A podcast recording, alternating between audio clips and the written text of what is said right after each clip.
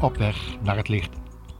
Een programma van de Stichting Adulam in Curaçao over dwangmatig kiezen.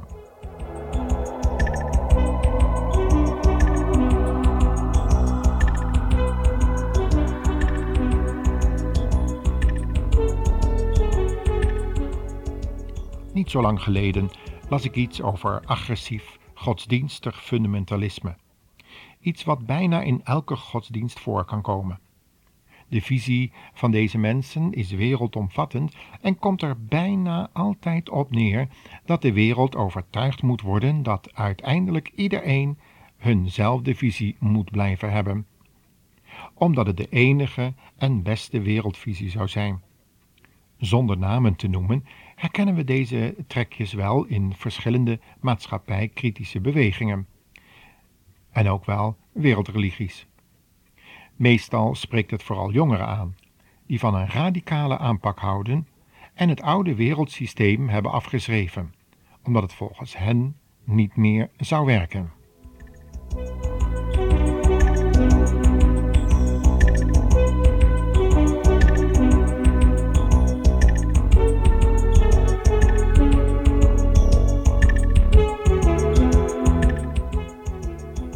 Verontrustend in deze wereldwijde bewegingen is echter dat deze radicaliteit nog wel eens weet uitlopen op anarchie of dictatuur. Op agressief opleggen van de eigen mening, desnoods met behulp van al of niet vroom geweld. De bijbelse norm van liefde, welke de mens vrij laat kiezen binnen een sfeer van vrede en genade, staat hier natuurlijk ver vanaf. Toch is het helaas ook binnen de christendom te signaleren. En juist in de geschiedenis zien we een zeer agressief opleggen van de eigen christelijke mening, of wat dan voor christelijk in de wereldgeschiedenis moest doorgaan. Dat zijn zwarte bladzijden in deze kerkgeschiedenis. Maar ook andere wereldreligies kennen hun geschiedenis en zijn minstens even zwart. Maar als we nu de grondlegger van de wereldreligie, het christendom, eens een, aan een nader onderzoek onderwerpen, als dat al mogelijk zou zijn, we kunnen in ieder geval naar hem luisteren. En dan komen we tot een heel andere conclusie. Deze leider van het christendom, de Heer Jezus zelf, bracht zijn boodschap zonder die te willen opleggen.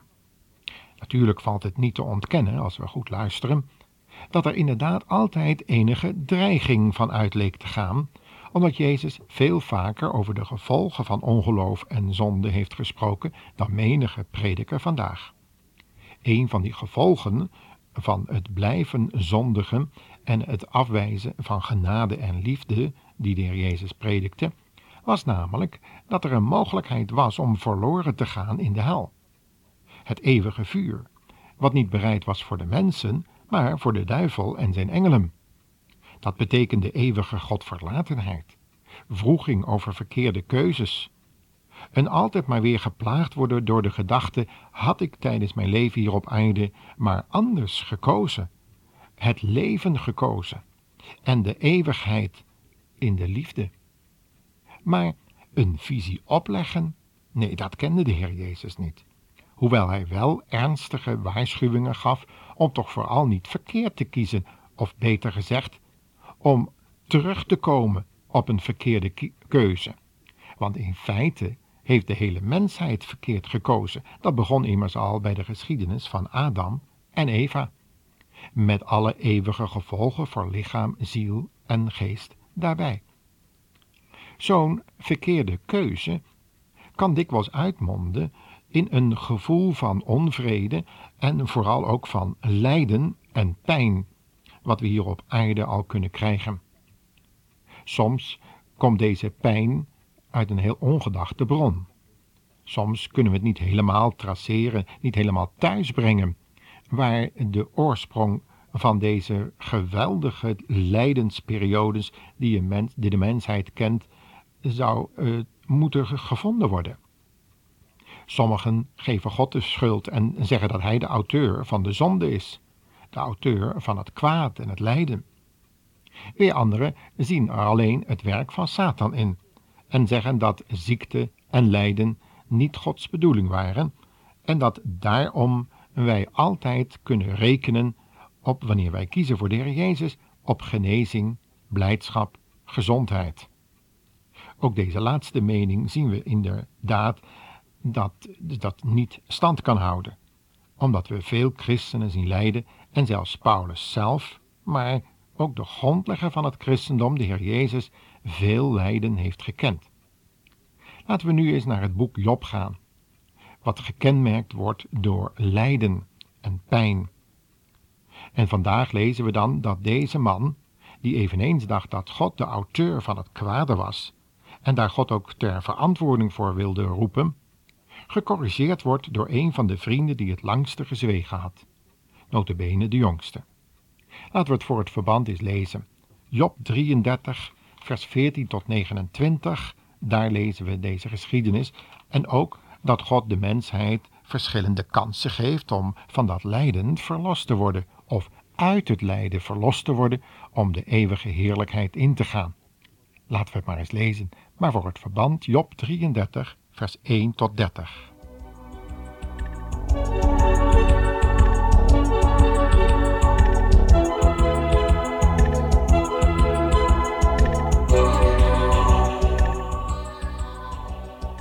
Daar zegt Elihu, een van de vrienden van Job dus, het volgende. Luister alstublieft naar wat ik u te zeggen heb, Job. Laat mij uitspreken. Nu ik eenmaal het woord heb genomen, zal ik in alle oprechtheid de waarheid spreken. De geest van God heeft mij namelijk gemaakt en de adem van de Almachtige geeft mij leven. Aarzel niet mij een antwoord te geven als u dat kunt. Voor God ben ik namelijk volkomen gelijk aan u. Ik ben ook uit de aarde gevormd, net als u. U hoeft niet bang voor mij te zijn. Ik ben er de man niet naar om u in het nauw te drijven. Ik heb u steeds weer horen zeggen: Ik ben rein. Ik heb niet gezondigd. Ik ben onschuldig. En toch heeft God aanmerkingen op mij en beschouwt mij als zijn vijand. Hij legt ketens om mijn enkels en kijkt scherp naar elke beweging die ik maak. Juist hierin hebt u ongelijk, Job, dat u op deze wijze over God spreekt. Want God is veel groter dan de mens. Waarom klaagt u bij God dat hij niet antwoordt?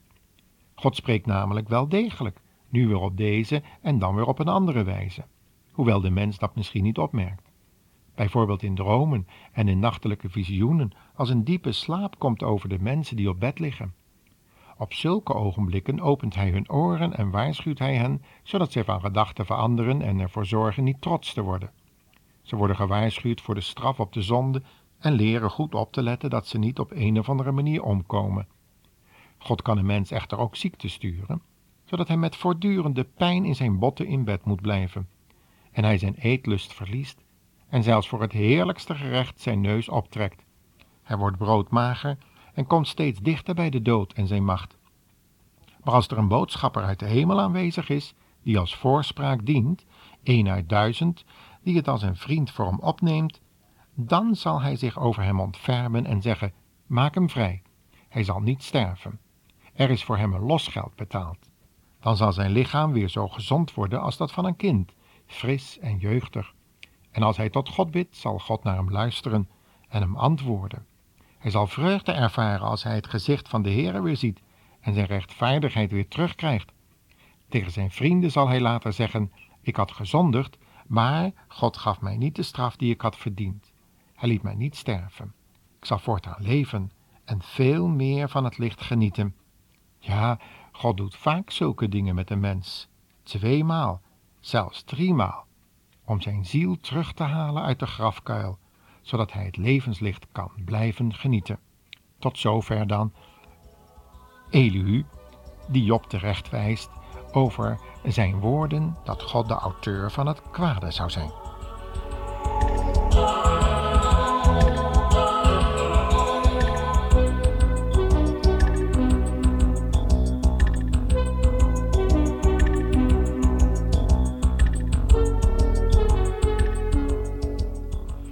Paulus beperkt het vermanende spreken tot één of twee keer. In Titus 3 zegt hij dat als iemand niet wil luisteren naar het woord van God, dat je zo iemand, hij noemt dat een kettersmens, moet verwerpen. want hij weet dan dat hij bij zichzelf veroordeeld is. Titus 3, vers 8 tot 11 kunnen we dat lezen. Maar al met al weten we nu nog niet hoe de Heer Jezus zelf het deed.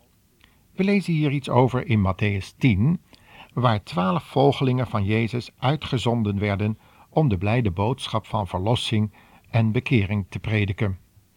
We lezen voor het verband Matthäus 10, vers 5 tot 14 en dan weer uit de vertaling van het boek.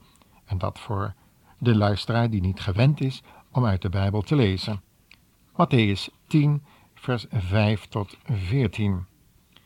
Jezus stuurde de twaalf discipelen erop uit met de opdracht: ga niet naar de ongelovigen of de Samaritanen, maar alleen naar het volk van Israël, Gods verloren schapen. Vertel hun dat het koninkrijk van de hemelen vlakbij is. Maak zieken gezond, laat doden weer levend worden, genees melaatsen, verdrijf boze geesten. Jullie mogen er niets voor vragen, omdat je het zelf ook voor niets hebt gekregen. Neem geen geld mee, geen reistas met extra kleren en schoenen, zelfs geen wandelstok, want je zult krijgen wat je nodig hebt. Wanneer jullie in een stad of dorp komen, zoek dan iemand bij wie je kunt logeren. Blijf daar tot je weer verder gaat. Wees vooral vriendelijk tegen hen die je onderdak willen verlenen.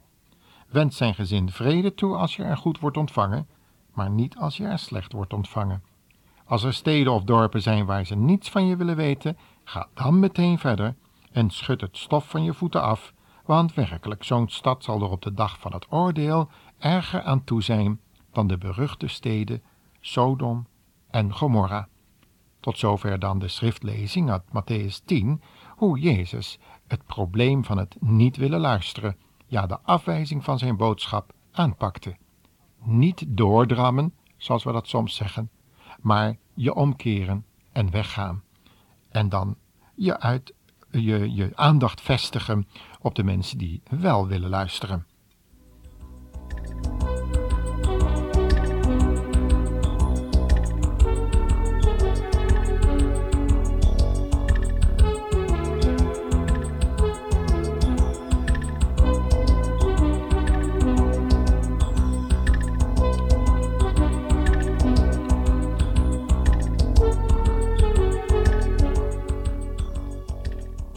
We hebben al genoemd hoe Paulus met de boodschap omging. Die boodschap van genade, die was aan Paulus best toevertrouwd, want hij wist zelf wat genade was. En daarom, omdat hij ook weet wat de gevolgen zijn van het volharden in de zonde, lezen we nog een stukje uit 2 Korinthe 5, vers 11. Daar staat namelijk het volgende. Omdat wij zo'n diep ontzag voor de Here hebben, doen wij ons best om anderen voor Hem te winnen. God weet dat wij hierin oprecht zijn. En ik hoop van harte dat dat ook voor u duidelijk is. Tot zover dan weer de apostel Paulus, die ook wist wat het gevolg was van het verkeerd kiezen. En ook omdat hij een diep ontzag heeft voor de Heer. Zo dadelijk zullen we nog iets lezen uit Hebreeën 10, waar dan tenslotte staat vermeld wat er gebeurt met de mensen die blijvend, afwijzend staan tegenover het evangelie. Maar zo dadelijk zullen we dat even lezen.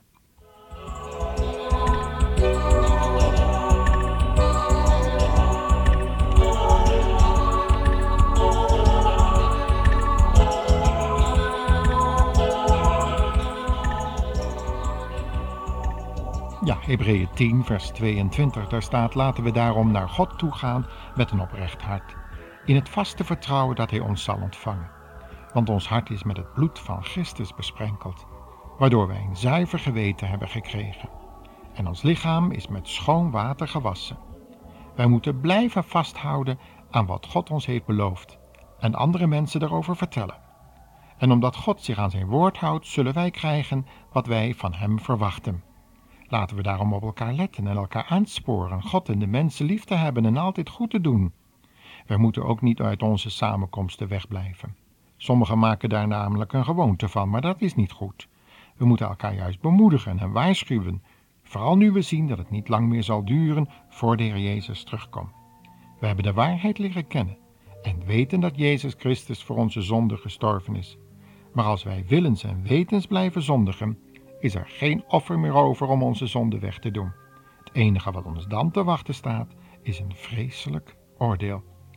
Tot zover dan deze schriftlezing. Nee, we willen niet bij dit verschrikkelijke einde blijven stilstaan. Maar we willen graag ons bepalen bij het feit dat er genade is en vrede. Laat daarom de moed niet zakken, vervolgt dan de briefschrijver. Want als de Heer u de Heere trouw blijft, krijgt u een grote beloning. U moet volhouden om de wil van God te doen. En als u dat doet, krijgt u wat u Hij heeft beloofd. Het zal namelijk niet lang meer duren voordat Christus terugkomt. Hij kan elk ogenblik komen. En de mensen die rechtvaardig zijn, zullen in vertrouwen leven. Tot zover de schriftlezing en we hopen dat u de volgende keer weer wilt luisteren en dan God niet de auteur van het kwade zal noemen, maar de bron van liefde, genade en vergeving. Eeuwig leven. Tot de volgende keer luisteraar.